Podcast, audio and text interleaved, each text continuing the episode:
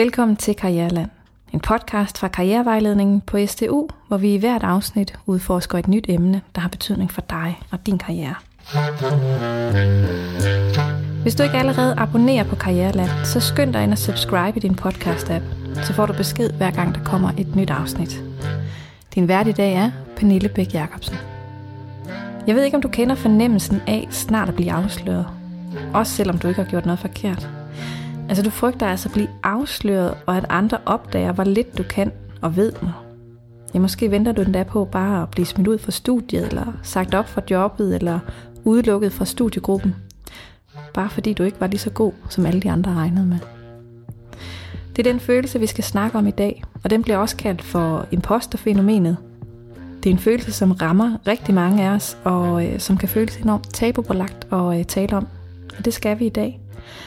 Og øh, til at gøre os klogere på fænomenet, øh, og hvad vi kan gøre ved det, der skal vi tale med Anne C. Schødt, og hun ejer virksomheden Potentialefabrikken, og har netop skrevet en bog om imposterfænomenet, eller imposterkomplekset. Velkommen til dig, Anne. Tak. Vil du ikke starte med at fortælle lidt om, hvad du laver i øh, Potentialefabrikken? Jeg har haft Potentialefabrikken siden øh, februar 2012, og det var også første gang, jeg hørte om det her imposterfænomen. Jeg havde lige besluttet mig for, at øh, jeg skulle ikke øh, fortsætte med at lave HR, sådan som jeg havde gjort tidligere, men faktisk så skulle jeg fokusere på at hjælpe øh, de 10% bedst begavede med deres personlige udvikling og udfordringer på arbejdsmarkedet. Og nu vil jeg egentlig gerne gå over til at kalde det et kompleks, altså imposterkomplekset, fordi det, dels fordi det er et mindreværdskompleks, men også fordi det i sig selv er komplekst. Og det er meget mere end det der med, at man bare synes, de andre er dygtige, og man går og frygter, at der er nogen, der opdager det. Det er også sådan en konstant sammenligning, og det er også, at man kan have svært ved at internalisere ros. Når nogen roser eller synes, at man har gjort det helt fantastisk, så praller det af. Man kan simpelthen ikke høre efter og man kan slet ikke tage det til sig. Øh, tværtimod, så i stedet for bare at sige, tak, det er da dejligt, du synes det, så, så begynder man at bortforklare og sige, ja, men det var jo ikke noget særligt, og jeg gjorde jo bare sådan og sådan, og tja. Okay. Og så kan de, især på studier, have, øh, men også på arbejdspladser, have nogle enormt høje forventninger til sig selv, som bliver rigtig svære for dem at leve op til. Ja. Og hvis andre så også har forventninger til dem, fordi at de jo plejer at klare sig rigtig godt, så bliver det bare endnu værre. Fordi så, så er der endnu mere pres på næste gang om at gøre det lige så godt, eller gøre det endnu bedre. Og det bringer mig måske faktisk øh, meget fint videre, det du siger der til vores øh, påstand. Øh, fordi vi har taget en påstand med til dig, ligesom vi gør til alle vores andre gæster. Og din en dag, den hedder, imposterfænomenet er bare endnu en undskyldning for ikke at præstere optimalt. Hvad tænker du om det? Jeg tænker, det er sådan, det føles. Ja. At, øh, at man tænker, jamen okay, det er fint nok, nu kalder vi det så det, men jeg kan jo stadigvæk ikke præstere af den grund. Øh, det går sikkert galt alligevel. Der er også dem, der siger, jamen det er da noget, alle har. Nej, det er det så heller ikke. Skal vi så ikke prøve at dykke lidt ned i, hvad det der imposterfænomen er for noget? Hvis man søger på det på nettet, så øh, vil det typisk dukke op som imposter syndrome. Men tilbage i 2015, da jeg fik tilladelse til at oversætte øh, Clans Imposter Phenomenon Scale til dansk, der var det meget vigtigt for øh, Pauline Clans, som har opdaget det sammen med sin kollega Susan Imes tilbage i 70'erne, øh, ja. at det netop ikke er et syndrom. At det ikke er en diagnose, og at det ikke er noget, man fejler. Og så har jeg efterfølgende gået på Jung Instituttet på fem semestre, og konstateret, jamen det giver jo mening at tænke på det som en slags mindreværdskompleks. Øh, og mindreværdskomplekser er noget, der ligger nede i det ubevidste. Mm. Og typisk har imposterramte på et tidligt tidspunkt i deres opvækst eller i forbindelse med, med skoletiden haft en oplevelse af, at der var noget, de ikke kunne. At de andre var dygtigere eller bedre, Øh, og det kan være alt muligt. Fordi det, der, der kendetegner imposterfænomenet, det er også, at man hele tiden sammenligner sig med andre. Mm. Og tænker, nej, hvor er de dygtige, og nej, hvor er de flittige, og nej, hvor er de alt muligt, som jeg jo ikke er. Og man kan også sammenligne sig med søskende, og man kan sammenligne sig med, med klassekammerater, Og når man kommer ud i erhvervslivet, så kan man sammenligne sig med sine meget ældre og meget mere kompetente og erfarne kolleger og tænke, om der når jeg jo aldrig til.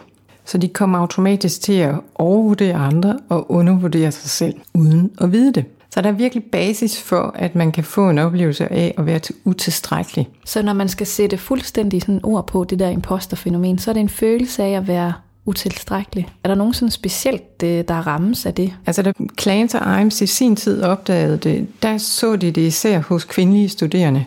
Og det var altid dem, der klarede sig bedst til eksamen.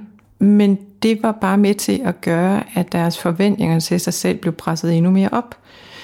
Plus at så begynder omgivelserne også at forvente en masse. Og så blev de dels bange for ikke at kunne leve op til andres forventninger og skuffe dem. Men de blev også bange for, at hvis de nu ikke knoklede lige så meget, som de havde gjort sidst, så vil det gå galt. Og det var også, fordi jeg lige var heldig. Ja, og det er jo så en anden del af det. Øh, senere fandt man ud af, at det også ramte mænd mm. i lige så høj grad, men i nogle lidt andre øh, kontekster. Og så er det også det der med, at man vil helst ikke tale om, at nu har man fået den her pris, eller nu har man fået en god karakter, før man vildt har det sort på hvidt, eller man står med den der præmie i hånden. Ja. Fordi det kan jo ikke være rigtigt. Det kunne jo være, de ombestemte sig. Ja, det ja. kunne jo være, det var en fejl. Ja. Og så er det jo bare et spørgsmål om tid, før de finder ud af det. Ja. Og det var også det, som, som Klane fandt ud af i forhold til de studerende, at de netop gik og havde den der følelse af, at før eller siden, så blev de ringet op fra, fra kontoret og kaldt ind, fordi at det var jo en fejl, at de overhovedet var på det der studie. Og det kan jo så både være, være en, en, altså en følelse, mm. at man tænker, jeg er jo ikke ligesom de andre, altså hører jeg ikke til her. Men det kan også være en mere sådan faktuel ting, at man simpelthen ignorerer at man rent faktisk går på studiet. Ja. At man rent faktisk har fået gode karakterer. Øh, og jeg har flere gange talt med nogen, som har sagt, ja, jeg, jeg fik 12, men altså helt ærligt, det var jo også bare fordi, de ikke spurgte om lige netop det der og det der, fordi så var jeg dumpet. Det er helt sikkert. Det vidste jeg jo ikke noget om. Nej. Øh, det har jeg jo ikke fortjent, fordi jeg har jo ikke knoklet. Det, det, jeg har jo ikke lavet noget særligt, eller det var først til sidst, jeg lige tog mig sammen. Øhm, og det er især de begavede, der har den oplevelse, fordi de har sådan ret dårlig arbejdsmoral. De, altså, I folkeskolen lavede de jo ikke noget, øh, og på gymnasiet, der ramte de sandsynligvis muren, fordi der skulle man lige pludselig lave en masse skriftlige opgaver, og så kan det godt være, at de havde lidt for meget fravær, og det ene med det andet. Det er den ene grøft. Den anden grøft, det, det er jo dem, man så kalder 12 dem, som altid får gode karakterer, og så bliver nervøs for ikke at kunne leve op til det næste gang. Så der er ligesom den to dele i det. Altså der er, der er, hvis nu vi bruger nogle andre ord, ikke? der er perfektionisterne, og så er der de, øh, de kloge, kloge under, der, eller de, dem, der har nemt ved at lære ting. Det er i hvert fald sådan nogle gange, når man kigger øh, udefra på det, øh, at de godt kan fremstå. Men det er ja. ikke sådan, det nødvendigvis hænger sammen. Nej, øh, det der, der er overraskende, det er jo dels, at de der øh, 12-tals piger, jo ikke selv har en oplevelse af at være særlig dygtige. Mm. Meget tit så har de været øh, ekstremt nervøse og har virkelig overforberedt sig. Og så er de jo bange for at næste gang, hvis de ikke overforbereder sig lige så meget næste gang, så går det jo galt. Så de har ikke en realistisk oplevelse af, hvad tingene egentlig kræver, og hvornår noget det er godt nok. Mm. Hvornår de har forberedt sig godt nok.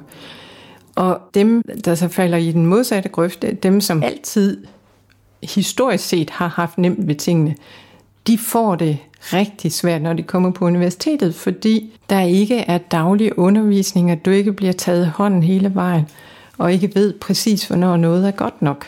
Der er rigtig meget selvstudie, og du skal lige pludselig til at have en arbejdsdisciplin, og øh, selv styre din tid, og selv finde ud af at møde op, og hvad der er vigtigt for dig at forberede og læse og alt muligt andet. Mm. Og selvom man selvfølgelig får instruktioner om, hvad man skal, så, så kan der hele tiden være en oplevelse af, at man ikke gør nok. Ja. Plus at når du ikke har de der arbejdsvaner lagt ind, at du, hvis du ikke har været vant til at skulle anstrenge dig, hvis du ikke har været vant til at skulle læse dine lektier, så kan det virkelig være et chok at komme på universitetet.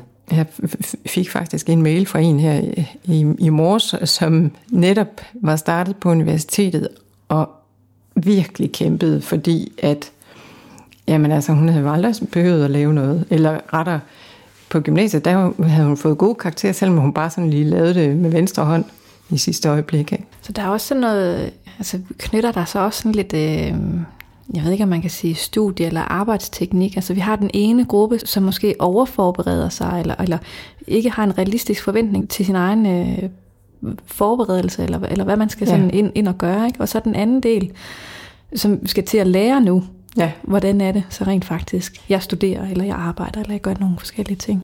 Ja, og, det, og det, de første, det, det er jo så dem, man normalt vil betegne som perfektionister, men, men der er forskel på perfektionister og de imposterramte, og det er primært i forhold til selvtilliden. Ja. At perfektionister ved godt, at de har gjort en god indsats, og de har fanget nogle detaljer, og de har styr på tingene. Og de kan være tilbøjelige til at synes, at andre lidt er nogle tjuskehoveder, at de bare burde tage sig sammen. Ja. Fordi at helt ærligt, så svært er det jo heller ikke vel. Nej. Men dem, der er begavet, men som ikke nødvendigvis ved det, de har en oplevelse af, at andre må have lige så nemt ved at sætte sig ind i noget nyt, som de har. Plus, at de kan se, at de andre er mere flittige. Mm. Og så føler de sig tit dogne og udulige og ineffektive og alt muligt andet, fordi at det er så svært for dem at tage sig sammen. Og det er så svært at få det gjort. Og noget af det, som øh, Sonja Rohrmann, øh, en, en tysk øh, forsker, fandt ud af i 2016, det var, at de havde i meget høj grad sådan en selvhæmmende adfærd. Ja, sig noget mere om det. At enten så udskydede de tingene til sidste øjeblik, og så blev det jo lidt derefter, og så kunne de slå sig selv i hovedet og sige, ja, ja, men hvis jeg nu bare var gået i gang noget før, så var det nok blevet bedre, men det kunne jeg jo ikke, og jeg dur jo ikke til det. Når jeg skriver om det i bogen, og når jeg fortæller om det, når jeg holder foredrag, så øh, tænker jeg på, at det, det handler også om deres præstationsmønster. Altså om, om de leverer sådan lige op til deadline, og det er det, de fungerer bedst med, jamen så må de bare acceptere, at de kommer ikke til at arbejde stille og roligt med tingene i god tid, fordi det virker ikke for dem. Nej. Øh, og så er der den anden, den med det svingende, med det springvise præstationsmønster, de leverer i ryg. Så når de først går i gang, så kan de være sindssygt effektive, men de kan tage rigtig lang tid om at komme i gang og gå rundt om det og øh, lave benspænd for sig selv og holde hemmeligt mesterskab i overspringshandlinger. Øh, fordi, ah, men så skal jeg jo lige have gjort det og det, og det her, det her, det er meget sjovere og mere interessant. Og, og de får simpelthen ikke skabt de nødvendige rammer for at komme i gang. Øh, og når jeg holder foredrag, så er der jo af til nogen, der kommer hen til mig i pausen og, og en af dem med det her springvise præstationsmønster kom hen til mig i pausen og sagde, ja, jeg har altså godt nok rigtig meget af det der springvise præstationsmønster. I virkeligheden så kunne jeg lave en hel dags arbejde på, på tre kvarter. Problemet er, at jeg har bare lige brug for de første syv timer til at komme i gang. Ja. og, og, og det er jo ekstremt frustrerende. I stedet hvis man har nogle øh, kolleger eller studiekammerater, som har det der stabile præstationsmønster, som planlægger og fordeler arbejdspresset jævnt, og som bare går i gang, mm. så kan man virkelig føle sig forkert. Det er vi jo også i høj grad opdraget til. Ikke? Ja. Altså, at først så skal du gøre det, du skal, din pligt. Ikke? Først det sure, og så det søde. Jeg er lige i gang med at skrive et blogindlæg nu, øh, fordi der var en af dem, der fik sådan en jobkonsultation, som øh, sagde, jamen øh, jeg skal jo starte med at sluge frøen. Og sagde, nej, det skal du faktisk ikke. Du skal starte med desserten. Du skal starte med det, du har mest lyst til, fordi så får du mere energi, og så får du også energi til at forestå de der sure pligter og de ting, der bare skal gøres. Ja. Men hvis du starter med at sige til dig selv, at du skal starte med det mest forfærdelige, og det, du har mindst lyst til, så dræner du dig selv for energi, og så kommer du slet ikke i gang. Så man kan faktisk godt sætte det måske en lille smule i system, ligesom tænke over, hvad, hvad kunne jeg have som en startopgave? Ja øh, som jeg kunne synes var, var interessant. Ja, ja, både til dem med det svingende og dem med det springvise, der plejer at sige, at det er en god ting ligesom at sige, okay, hvad er de tre vigtigste ting, jeg skal have gjort i dag? Mm. Og så start med den, du har mest lyst til. Ja. Eller start med den der lille hurtige opgave, som, er, som gør, at så kommer du ligesom i gang. Ja. Øh, men dem med det svingende præstationsmønster har en tilbøjelighed til at have en meget lang to-do-liste. Ja som bare bliver længere for hver dag, og den dårlige samvittighed vokser tilsvarende. Ikke? Jo. Men det er sådan, som de tror, de bliver mest effektive, det er det ikke. Jeg plejer at sige til dem, smid den ud. Ja. Og hvis der stod noget vigtigt på den, så kommer du nok i tanke om det. Ja, igen. Men, men tre ting per dag. Ja. Og hvis der så sker noget mere fint, så skriv det på listen og sæt tjek. Hvis nu man sidder derude øh, og, og lytter med, og sidder og er sådan lidt i tvivl om, måske kan genkende nogle af de her ting her, man er lidt i tvivl om, man er imposterramt. Hvad er det så for nogle øh, tegn, man kan kigge efter, eller hvordan kommer det til udtryk? Du kan bare gå ind og tage, øh, Google impostertesten, og så Godt. besvare de der 20 spørgsmål der. Så kommer det helt tydeligt frem. Ja, Ja, og det er det letteste.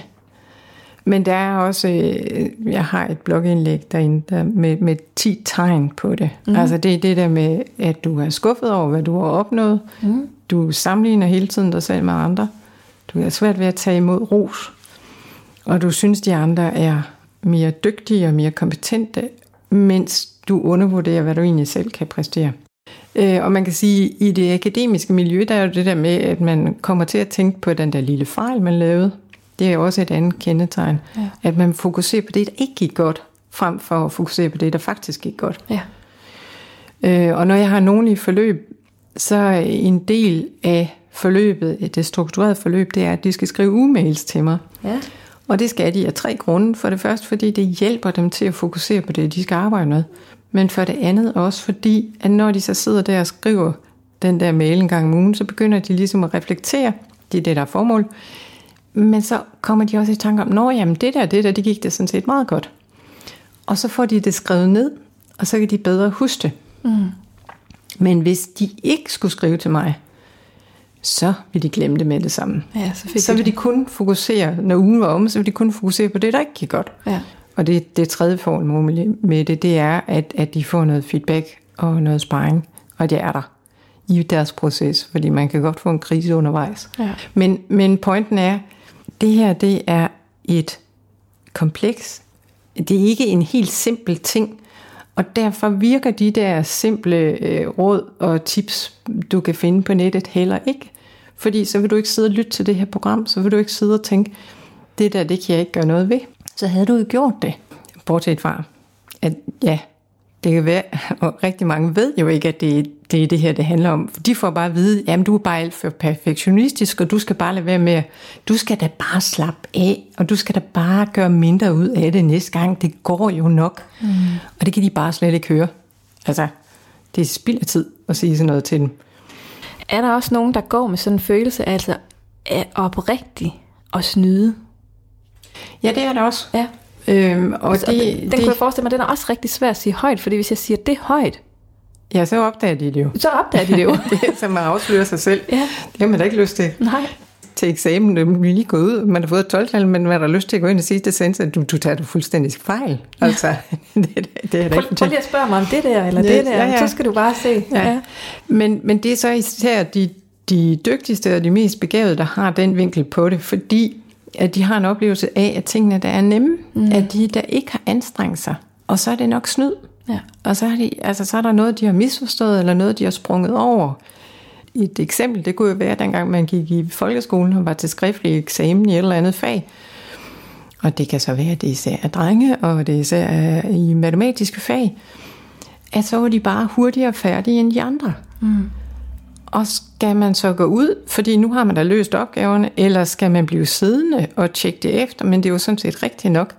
Og så snakker man med de andre bagefter, og de klager over, at de ikke nåede det hele, og de klager over, at de synes, det var rigtig svært. Ja. Og så er det, man kan få den der oplevelse af, så er det nok mig, der er noget galt med, fordi alle de andre havde en anden oplevelse. ja. Og så kommer man til at synes, at man er forkert, og man har snydt. Øh, det jeg kan se, det er også, at det for eksempel mere rammer introverte end ekstroverte.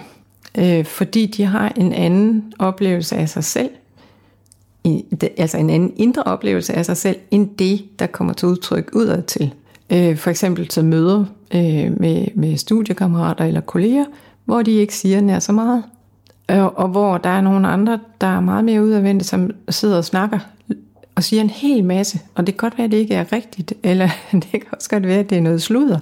Men de får sagt en hel masse. Og så er det ikke altid den introverte er hurtig nok til at formulere det, de har tænkt. Mm. Altså der, er- det er ligesom om, der er sådan alle mulige vejbomme og afspærringer og forhindringer fra, at man tænker noget, og til det faktisk kommer ud af ens mund. mange introverte oplever, at det er lettere at skrive, end det er at tale. Ja. Og så kan man også sagtens forestille mig, at når man så er på en arbejdsplads sammen med nogle ekstroverte kolleger, og man holder afdelingsmøde, jamen så er det dem, der render med taletiden. Og så øh, er der også rigtig mange introverte, der oplever, at når de endelig får formuleret noget, så er der nogen andre, der har sagt det. Ja, så er det for sent. Ja. Eller beslutningerne er taget. Eller mødet er over, eller man går videre til det næste punkt. Ja, ja. Øhm, og derfor er det også øh, mere svært for introverte at markere sig mm. og, og komme i spil med deres faglighed og med deres viden, øh, hvis ikke de har mulighed for at gøre det på skrift. Så det kan vi sådan øh, tilføje til, øh, hvem, hvem det her det rammer. Øh, Ja. Hvis du er introvert og øh, højt begavet, eller øh, har sådan de samme tegn som 12-talspigerne, så har du øh, større risiko for at ramle ind i det her kompleks. Risiko, altså, det, er jo- det er jo en Ja. del. Ja. Altså, så lyder det som om, at det er noget, man så bliver smittet med, eller får, når man er ude at gå. Øh, og det er det jo ikke. Altså, det er en del af din personlighed. Det er noget, du har med dig helt fra starten af. Mm. Og så bliver det værre af, at du er i nogle bestemte omgivelser. Det kan også sagtens være, at øh, du er anderledes end dine søskende. At det er der, du skiller dig ud, ikke? Ja, ja fordi før, da vi, da vi talte sammen, der talte du også lidt om sådan det her med at være det hvide for. Og jeg tænker, det er lidt der, du også øh, måske er på vej over. Eller Ja. kan du prøve at sige noget mere om, hvad, hvad ligger der bag sådan om det hvide for i familien? Ja, men det kan jo for eksempel være, at du er den første i familien, der er gået på gymnasiet, eller den første i familien, der kommer på en videregående uddannelse. Øh, fordi din far er landmand, og din mor er hjemmegående øh, husmor og hjælper til. Og, øh, men det kan også være, at, at alle andre er akademikere, og så har du valgt at blive fysioterapeut. Mm. Øh, at du er anderledes begavet, end dine søskende er. Ja, At du er mere øh, god med dine hænder. ja. Eller blive danseinstruktør eller sådan noget. Altså, Men pointen er bare, at det er anderledes. det er det, at du ikke er ligesom de andre. Ja. Jamen, nu er jeg ud af en håndværkerfamilie, ikke? Altså, og jeg er den eneste i familien, der er gået på gymnasiet. Det der med, at man sammenligner sig med nogle andre, og ikke føler, at man er ligesom flokken er. Ja. Og det er så ligegyldigt, hvilken form for minoritet du er, og det er også det, der rammer de begavede, fordi hvis du er imellem de 10% be- bedst begavet, så er du faktuelt anderledes, du tænker anderledes end 90% af dem, du tilfældigt er sammen med. Ja. Og så føler man sig meget nemt forkert Ja. fordi du ikke er ligesom flertallet. Øh, og dem, der ikke selv er klar over, at de er begavet, har tit den der med, jamen jeg duer jo ikke til small talk, eller jeg kan jo ikke finde ud af dit eller dat, som de andre er gode til. Øh, og så plejer jeg at sige, at det er bare fordi, det ikke interesserer dig. At du har nogle andre interesser, end de har. Ikke? Ja. Men, men netop det der med ikke at være ligesom de andre, det kan helt klart fremme de her imposterfølelser. Og få lagt lag på den der øh, grundlæggende oplevelse af at være forkert, eller være mindre værd end de andre. Jeg synes, øh, jeg synes, vi har været godt omkring sådan, hvad er det lige, der gemmer sig bag det her imposterfænomen, og hvem er det, det rammer, eller hvordan vi nu skal beskrive det. Ikke? Ja. Men hvad kan man så gøre, hvis man sidder derude nu og øh, føler sig ramt af det? Der er ligesom fire trin, de alle sammen skal igennem, for at de kan etablere den der forandring, mm. som de ønsker, men som de bare ikke selv kan finde ud af at, etablere. Øh, og, og det første trin, det er jo det der med at være bevidst om, hvad er det egentlig, der er mit problem. Og det at gå ind og læse om det her imposterfænomen, og få en, en, en vis viden om, jamen okay, det er sådan og sådan, det er det, det handler om. Det er faktisk det første skridt. Det næste skridt, det er jo så at begynde at forstå, jamen hvorfor er jeg ramt af det? Mm. Som Rebecca hun sagde, Og Rebecca, bare lige for, øh, det er hende, du Ja. har skrevet bogen sammen med. det er det nemlig.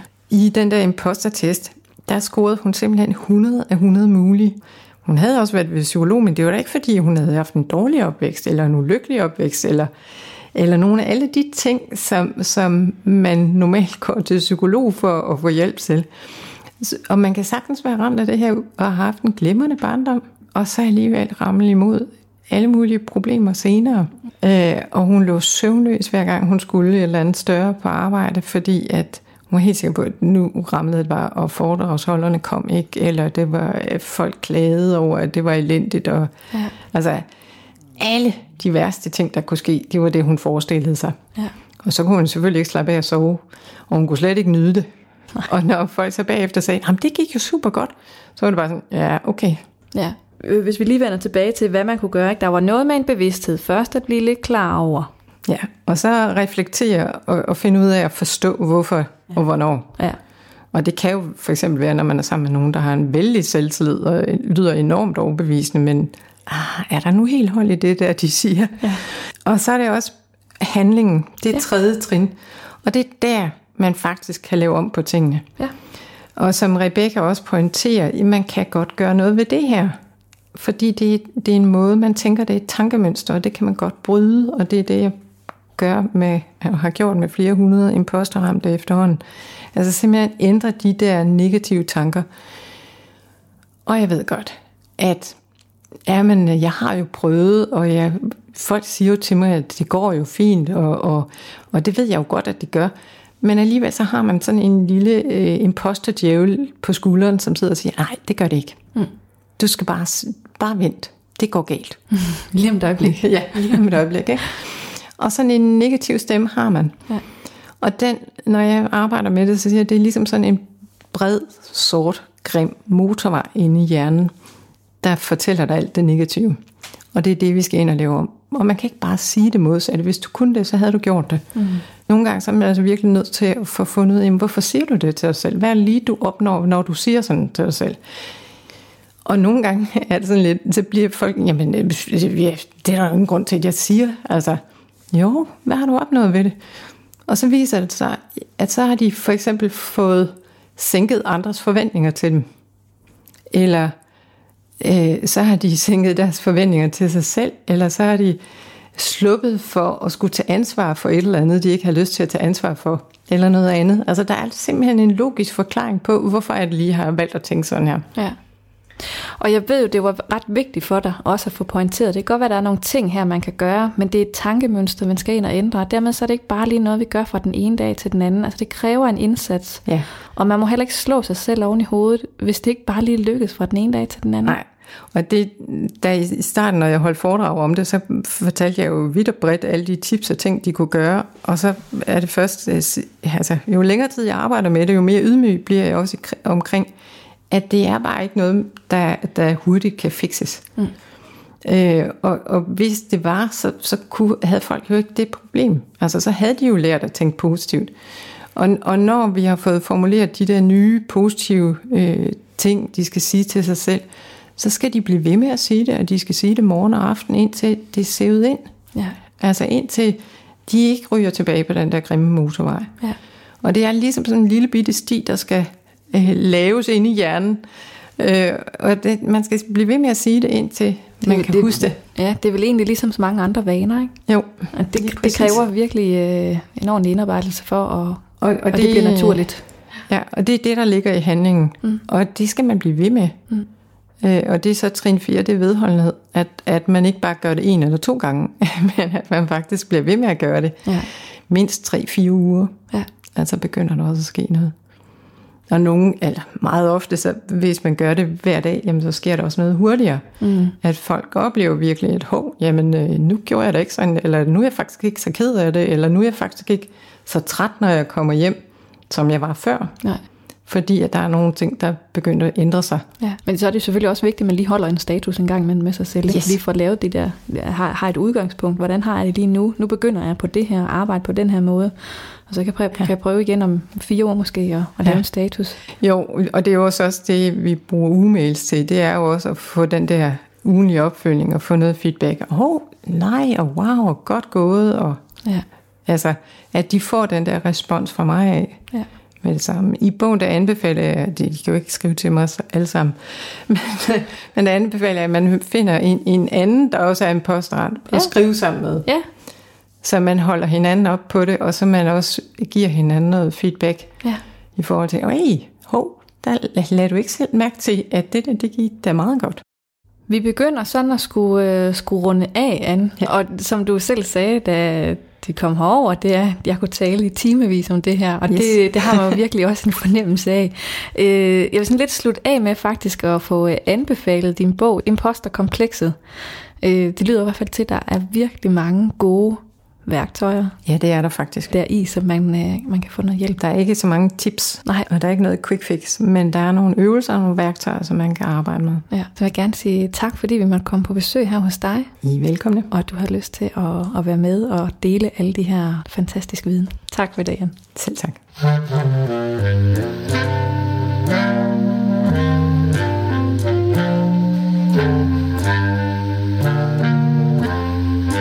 Var øh, interviewet med Anne, og øh, jeg synes jo, vi kom omkring rigtig, rigtig mange gode ting. Jeg vil sådan lige opsummere kort, øh, hvem det egentlig er, det måske rammer, og måske føler du dig også ramt, når du sidder derude og lytter. Øh, det er typisk... Øh, første generations akademikere, eller mønsterbrydere, som man også kalder det, altså jer, der måske er lidt anderledes end øh, sidemanden, eller kan være lidt anderledes end, øh, end dem i familie med. Det kan også være 12-talspigerne, eller de højt begavede. Som Anne også sagde, så ramte det måske også typisk øh, introverte, øh, og man så det mange gange ved kvinder, kvinder men øh, det sås altså også hos mænd. Og det, der var vigtigt, det var at, det, at vide, det er, at det er, det er helt sikkert noget, man kan gøre noget ved, men det er ikke noget, man sådan lige laver om fra, fra dag til dag, men man kan gøre noget. Og hendes fire trin i, øh, i en måde at arbejde med det, det var først og fremmest at blive øh, bevidst om, at det var det her, der var på spil hos en. Dernæst begynde at reflektere og forstå, øh, hvorfor er det, at det er på spil her hos mig. Så nummer tre, begynd at handle på det. Begynd at gøre noget andet. Eventuelt alliere sig med øh, en, som har det på samme måde, og, og holde hinanden op på, at nu skal vi gøre noget andet. Og så sidst, vær vedholdende, som det jo gælder i alle mulige vaner. Vær vedholdende, hvis du gerne vil ændre noget. Lider du også af imposterfænomenet, og har du brug for nogen at tale med, så øh, book en samtale med os her i karrierevejledning, eller med en af vores dygtige kollegaer i studievejlederne rundt omkring på universitetet. Det er noget, vi alle sammen gerne vil hjælpe dig med eller del afsnittet med dine medstuderende eller venner. Øh, jeg vil ved med, at der er flere af dem, der kan ikke øh, genkende til det her, vi har talt om i det her afsnit. Så øh, her tilbage er der blot for mig at sige tak for den her gang, og tak fordi, at du lyttede med. thank you